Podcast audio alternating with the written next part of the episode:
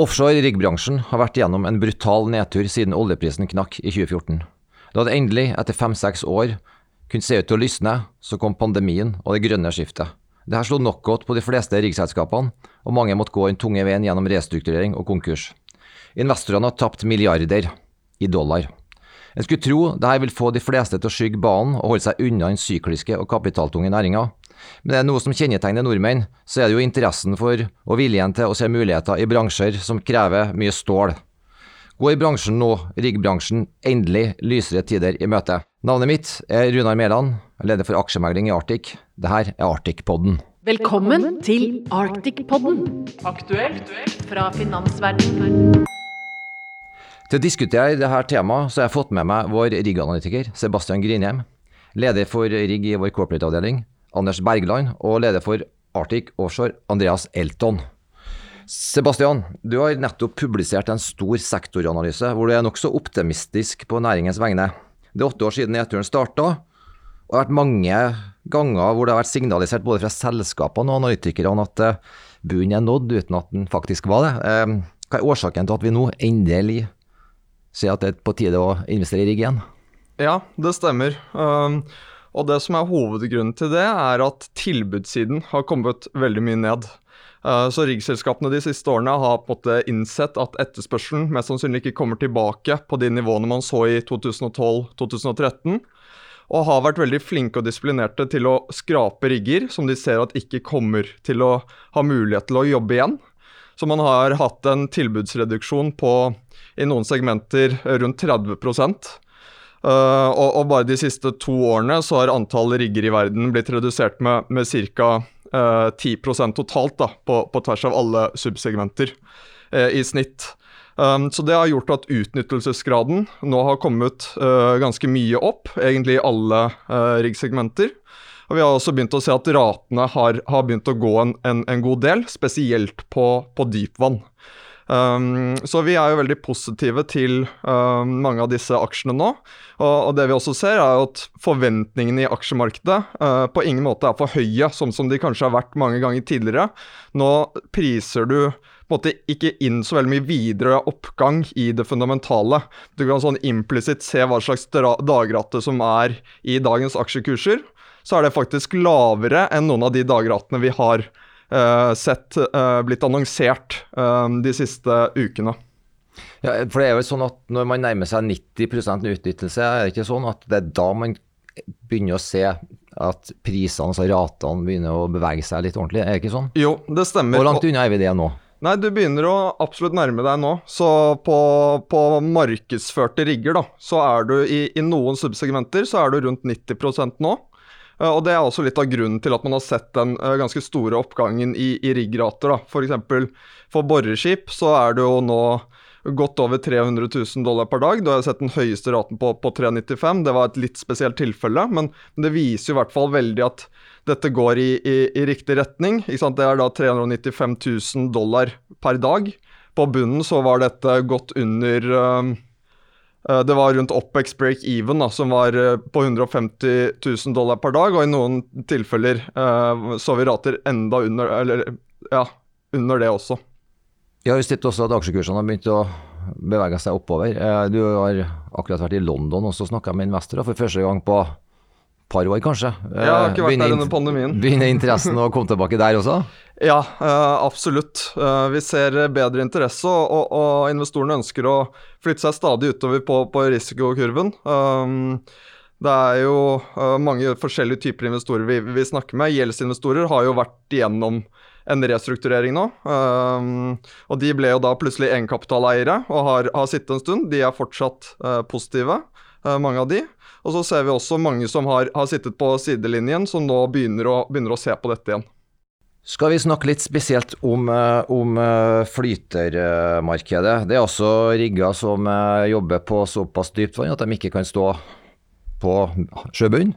hva skal vi si der? Hva, hva, merker du der, Andreas? Har du noen kommentarer til, til hvordan det fysiske markedet er? Du driver og handler rigger i det daglige?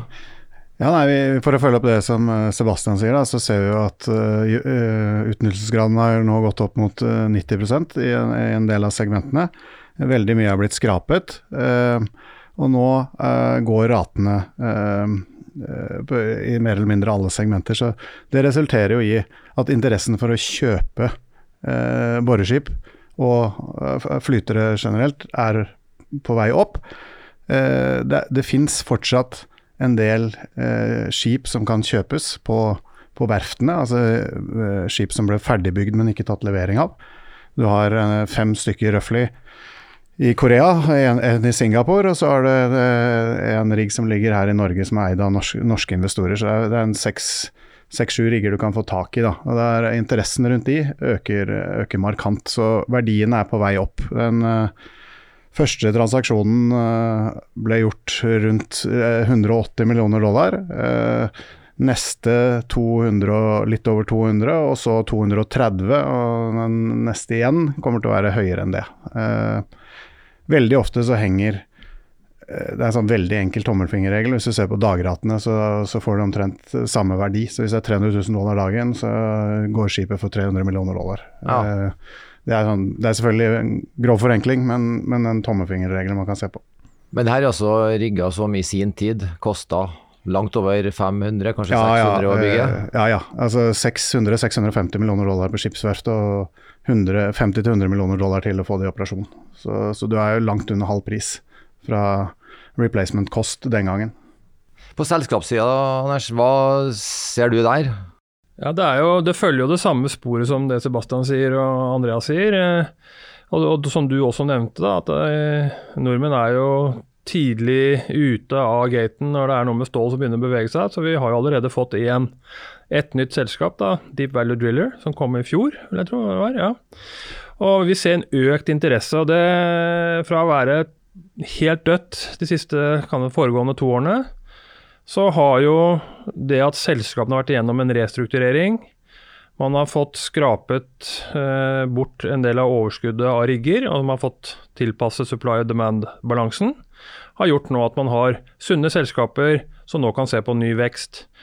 Adde på enkelte assets osv. Og, så og det gjør at vi også har sett en økt interesse fra selskapene på å gjøre ting. Det er jo primært altså tre brukere av flytere. Det er de store oljeselskapene, de såkalte majors, det er Exxon og BP og de. Du har de nasjonale statlige selskapene, og så har du de, de IOCs, altså de mellomstore selskapene.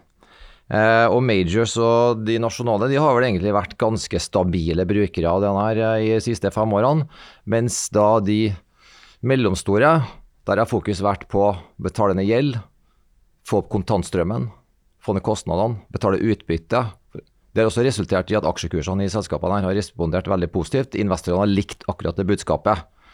Leting og investering har ikke vært noe populært. Men eh, Sebastian, er det der på en måte veksten skal komme? Fra de selskapene, og de skal endre storyen sin litt, eller? Det er nok der du har mest å gå på, i hvert fall. Uh, de er litt mer avhengig av å, å finansiere seg med den cashflowen de de genererer. Uh, og hvis du ser på uh, hvor det har vært minst, mest aktivitetsnedgang da, i de tre forskjellige kundegruppene som du nevner, så er det jo nettopp de. Um, så, så, og vi ser jo at investeringsbudsjettene kommer, kommer en del opp uh, i år. ligger vel rundt 10% Og så er det jo med, med dagens energipriser, så er det jo mye mulig at det blir uh, også en, en, god økning neste år, men det er fortsatt litt tidlig å si. da, Man har jo ikke hatt disse energiprisene som vi ser nå, så lenge. Så det tar jo Det er ofte litt uh, tar litt tid. Uh, ting skal planlegges før, før, man faktisk ser det, da. Andreas, du som snakker med riggselskapene, som igjen snakker med oljeselskapene, hva, hva, forteller de deg? De forteller meg at det er dramatisk økning i, i, i inquiries, som det heter. Det er det er ofte ikke så lett å se hva som faktisk foregår der ute for oss som sitter på utsiden. Det, er, det finnes noen offisielle tendere, men det er mye som skjer sånn direkte mellom selskapene. Eh, som, som, ikke liksom vi, vi, får tak i før, før, det blir annonsert. Og alle rapporterer om eh, stor vekst i inquiries på, på alle segmenter. Eh, så får vi se hvor mange av de som materialiserer seg, men det var en periode hvor det var liksom ingenting å snakke om.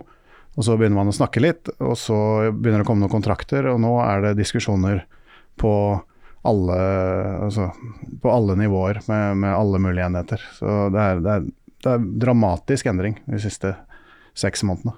Hva, hva med de Det ligger fortsatt mange uh, i opplag, altså noen såkalt varm og andre kald. Altså, eh, skal vi på en måte gjennom en lang periode hvor de skal ut før vi kan få ratene til å gå ordentlig, eller må det ratene gå først? og hvordan henger det sammen? Jeg tror faktisk, altså, Normalt sett så ville man tenkt seg at alle de kommer til å komme ut, og, og ratene liksom holder seg litt dempet pga. det. Jeg tror ikke det er tilfellet denne gangen. For det er en klar preferanse blant oljeselskapene å ta inn enten aktive rigger eller varme rigger.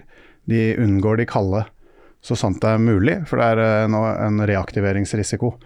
Og så har boreselskapene begynt å få, ha mye bedre disiplin i sine investeringer. Så, så, de vil ikke Og det koster ja, alt fra 50 til 100 millioner dollar å reaktivere et skip. Eh, noen sier mindre, noen sier mer, men eh, jeg tror hvis vi bruker den rangen, så er vi nokså uh, treffsikre. Da, og det, det, gjør de ikke hvis de ikke får avkastning på den kapitalen, og det skal da på første kontrakten. Ja. Eh, det, det, skal nedbetales på første kontrakten, og da må ratebildet opp for at de riggene blir en del av supply.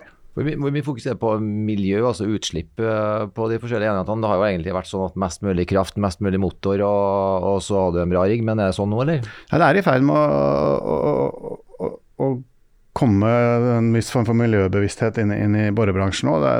oljeselskapene stiller, begynner å stille krav. og De ønsker, de ser bl.a. På, på utslipp på, på enheten som en av parameterne som gjør at de hvilken rigg de velger. Så, ja. så, det er eh, masse prosjekter på gang med å utvikle sånne batteriløsninger og, og, og ulike ting da, som kan, kan redusere utslipp.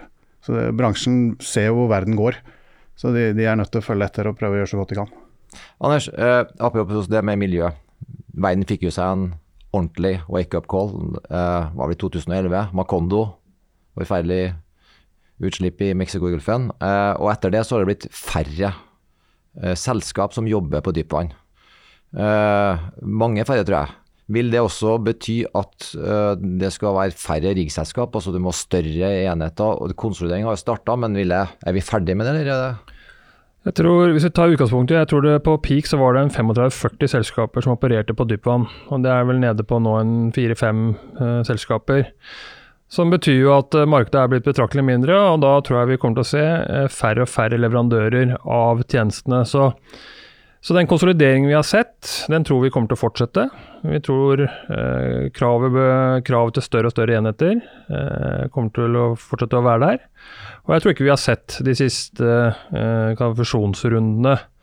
Jeg tror i vårt eh, scenario det er sånn at du kommer til å ende opp med tre store globale spillere og så kommer du til å ha en del nasjonale uh, stjerner, sånn type Oddfjell, Skjelf, som opererer i, i, enkeltstående markeder. Det er sånn vi tror verden kommer til å se ut uh, fremover.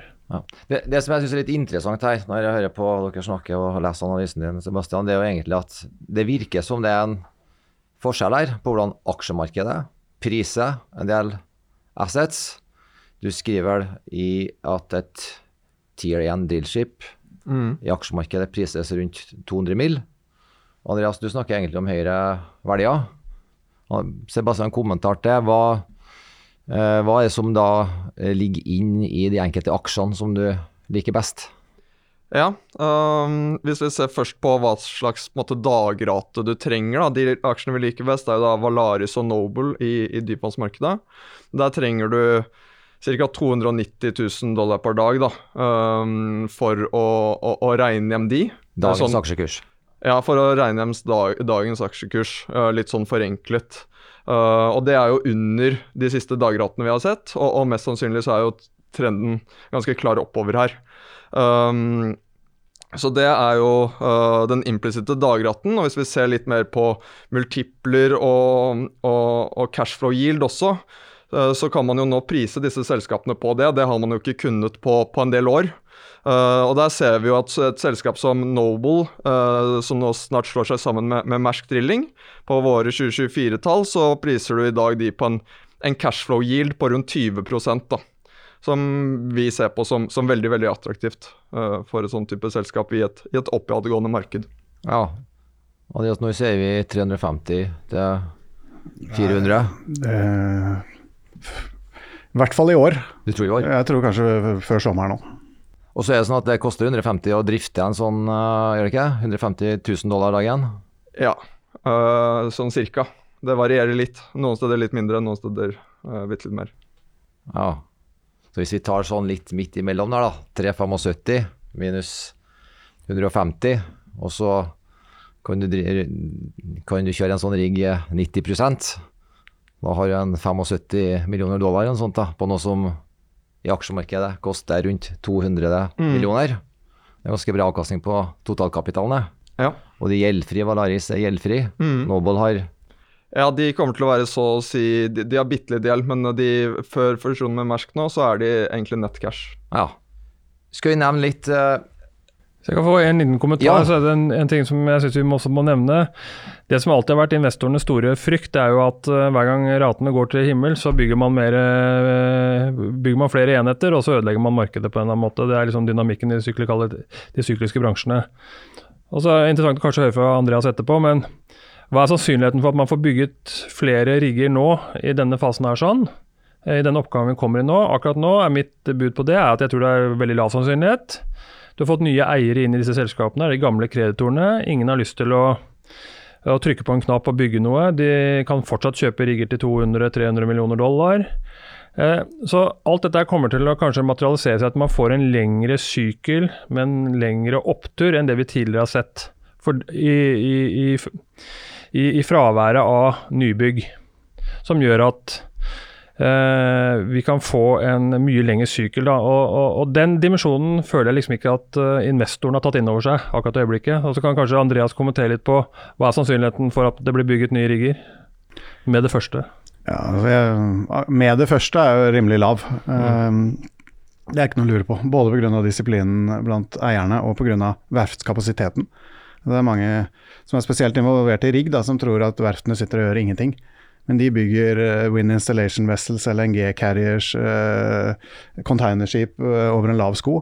Så det er faktisk utrolig vanskelig å få en verftsslått. I tillegg så er jo stålleveransene nærmest, eller seriøst, påvirket av Ukraina. Veldig mye stål kommer derfra. Så det er liksom Hvis du skulle gått ned et verft og bygd en rigg i dag, så så er jeg spent på hva slags levering du hadde fått. for å si sånn. Den tror jeg hadde vært uh, tre-fire år ut i tid, i beste fall. Og Apropos Ukraina. Um, da snakker jeg flytere, selvfølgelig. Ja. Og apropos Ukraina, vi, jo, vi, kan jo snakke litt om uh, det norske markedet og Harsh Environment-markedet også. Det er jo et uh, lukka marked, men Europa skriker nå etter mer olje og gass fra Norge. Og med det du sier, så er det ikke noe sannsynlig at det kommer noen flere rigger inn i Norge. Ikke utover de som er der ute allerede, altså som er bygd og som kan komme. Eh, du har jo et par stykker som er på utsiden av Norge som kan komme inn, og så har du eh, to under bygging på, på Keppel som kan komme ut. Så det fins fire-fem enheter som kan komme. Eh, men det, det, krever investeringer for å få det hit, det krever tid. Og jeg tror at det markedet er stort nok til å ta det imot. Den, og, de, og de kommer ikke før de får betalt for å for den eh, si, investeringen eh, for, for, å komme hit. Og Du har jo også Sebastian Oddfjell som en av dine toppvalg. Ja, eh, det har jeg. Og aktivitetsnivået, spesielt i Norge, kommer jo til å ta seg veldig mye opp nå. Spesielt fra 2024, tror vi. Det er jo nå denne skattepakken som gjør at hvis oljeselskapene sanksjonerer prosjekter før årsslutt i år, så får de bedre skattevilkår. da når de bygger ut de. Og Det gjør at man forventer en veldig stor økning i, i antall uh, sanksjonerte felt i år. Og det vil uh, bety mer aktivitet fra 2024, 2025 og, og utover, da. Uh, og i mellomtiden så har Oddfjell Drilling alle riggene sine på, på kontrakt og genererer veldig bra cashflow i, i perioden mens du venter. Um, så det, det, markedet har jo holdt seg ganske bra gjennom, gjennom nedturen. Uh, de har klart å sikre seg kontrakter rundt 300 000 uh, dollar per, per, dag, pluss bonus. Uh, så forventer vi da at når du ser denne aktivitetsøkningen um, Fra i dag så er det vel i Harsh Environment rundt 18-19 rigger som, som har jobbet. Ganske lavt aktivitetsnivå. At det går mot rundt 27 rigger. Da har du en utilization på, på totalflåten, inkludert ting som er kaldt, på, på over 90% og da forventer vi at ratene kommer til å gå ganske opp, mye opp fra det, dagens nivå. Da, så rundt 400 000 til, til 425 er vel det vi har, har sagt. da. Akkurat. Eh, skal vi skifte tema over til riggebransjens arbeidshester? Det er jo jackup-riggene. Det er de det er flest av. Eh, spør panelet hva man eh, tenker der. Andreas, du kan jo starte, du. Ja, altså jeg tror at markedet generelt uh, undervurderer uh, kraften i, i jackup-markedet. Uh, for det, det, er mye som ikke har kommet til, til overflaten ennå. det ser ut som det er masse ledige rigger på verft. Det, er, det, ligger 28 stykker der hvis du teller. Men hvis du vet hva som foregår bak der, så er det ikke veldig mange av de som ikke er spoken for. og så kommer det noen store awards i Midtøsten nå på kan være 15-20-30 rigger over, over, hvert fall eh, innen utgangen av dette året. De ratene blir ikke så veldig bra, men de er gode nok til å tjene penger på. Hva snakker de, vi da? Ja, Vi snakker om sånn eh, litt, litt under 100. Eh, 80-90. Eh, men det vet alle som er i markedet. Så alle andre jackuper, med unntak av noen få spesielle områder, bys nå 100 eh, og over. De opererer du for 50. Noen steder 55, noen steder 45. Eh, og det er, eh, jeg, det er et ordentlig drag i det jackup-markedet som folk eh, jeg opplever at mange ikke har sett, som ikke er, sitter midt oppi det. Ja. Er det også et, et poeng i aksjekursene, Sebastian? Ja, til en, til en, viss grad. Altså, in, i, i, Norge så har vi jo to jackup-selskaper. Det er Borr Drilling og Shelf Drilling. Uh, og Der vil jo jeg kanskje si at forventningene er litt høyere enn hva dagens, uh, dagens, marked er. Hvis du ser sånn implisitt hva slags dagrater du må tro på da, for å regne hjem, regne hjem de kursene, så må du nok tro på rundt 110 uh, 1000 dollar per dag ca. Så det er jo, det er jo litt uh, over der vi er i dag. Men samtidig så er jeg helt enig i det Andreas sier, at får vi disse Uh, kontraktene nede i, i, Midtøsten, som det nå har vært snakk om ganske lenge. Uh, spesielt Saudi Aramco har det vært snakk om skal ha opptil 30 rigger. Så det er jo da Uh, ja, rundt 9 av, av dagens etterspørsel. Så, så, det alene vil jo uh, ta utnyttelsesgraden for, for jackup-flåten uh, opp Hvis du ser kun markedsførte rigger, da, så får man se om de kanskje reaktiverer noen for den jobben, men, men da vil du nærme deg 90% også i jackup-markedet. Og da tror vi fort at man kan se de ratene som du egentlig priser inn i dag, da. Noen kommentarer der? Ja, jeg, jeg, er enig. Jeg er enig. Det, det, er jo egentlig et sånt marked som Fra min tid som analytiker så var liksom investoren var mest interessert i de store tingene, de store leketøyene, da, som drillchipene.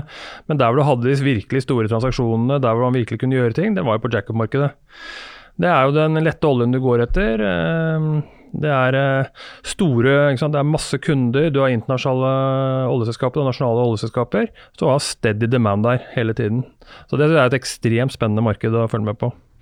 Og så er jo, jeg kan legge på en, en, kommentar, er at visibiliteten på det markedet er, er, litt dårligere, som gjør at det er litt sånn vanskeligere å følge også, for oss som analytikere. For det er veldig mye som foregår i Midtøsten. Det er litt mer fragmentert, flere aktører. Så eh, på, på tilbudssiden også er det litt vanskeligere å følge. da, Hvor mye er det som faktisk kan komme ut? Det er litt mer et spørsmålstegn i, i jackup-markedet i, i, forhold til, til dypvann. Er det noen ting vi burde ha snakka om som ikke vi har eh, tatt opp her? Nei, jeg tror bare kort eh, så tror jeg at de uheldige omstendighetene rundt Ukraina har medført at eh, veldig mange land er opptatt av egen energisikkerhet. Det tror jeg er et varig fenomen. Selv om den krigen forhåpentligvis ender raskt, så tror jeg tilliten til, til andre leverandøren er, er, svekket. Og det tror jeg kommer til å lede til en varig eh, behov for å bore eh, rundt i de ulike landene. Og, det, og, kanskje spesielt i Nordsjøen, ja, som er jo den største absolutt. leverandøren inn i Europa. og eh, Europa er jo får jo 40% av forsyningen sin fra gass fra Russland, så det er jo helt klart en opplagt region som man må følge med på. Et område å følge med på, og de spillerne som er der. Ja, og der har man allerede begynt å se litt, litt trend, sånn som i UK, hvor aktivitetsnivået har vært vært ganske lavt, og selskaper som Shell har trukket seg ut av lisenser. Så ser man nå at de nå kanskje vurderer å komme tilbake til den lisensen da, som var Combo, som de trakk seg ut av, som de nå kanskje vurderer å komme seg inn i igjen. Fordi de, det er nettopp fokus på det her, da. Det ser ut som vi er starten på en ny sykkel. Kanskje en supersykkel. Ehm, et siste spørsmål til dere. Hvor mange globale riggselskap har vi ved utgangen av 2023? Andreas? Eh, tre. Anders? Jeg sa det i stad. Tre. Sebastian?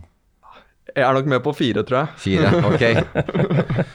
Vi skal følge med. Sebastian sin analyse den kan fås ved å ta kontakt med noen av aksjemeglerne i Arctic. Eh, vi skal følge dette markedet tett, komme med oppdateringer fremover. Dette er Arctic-poden.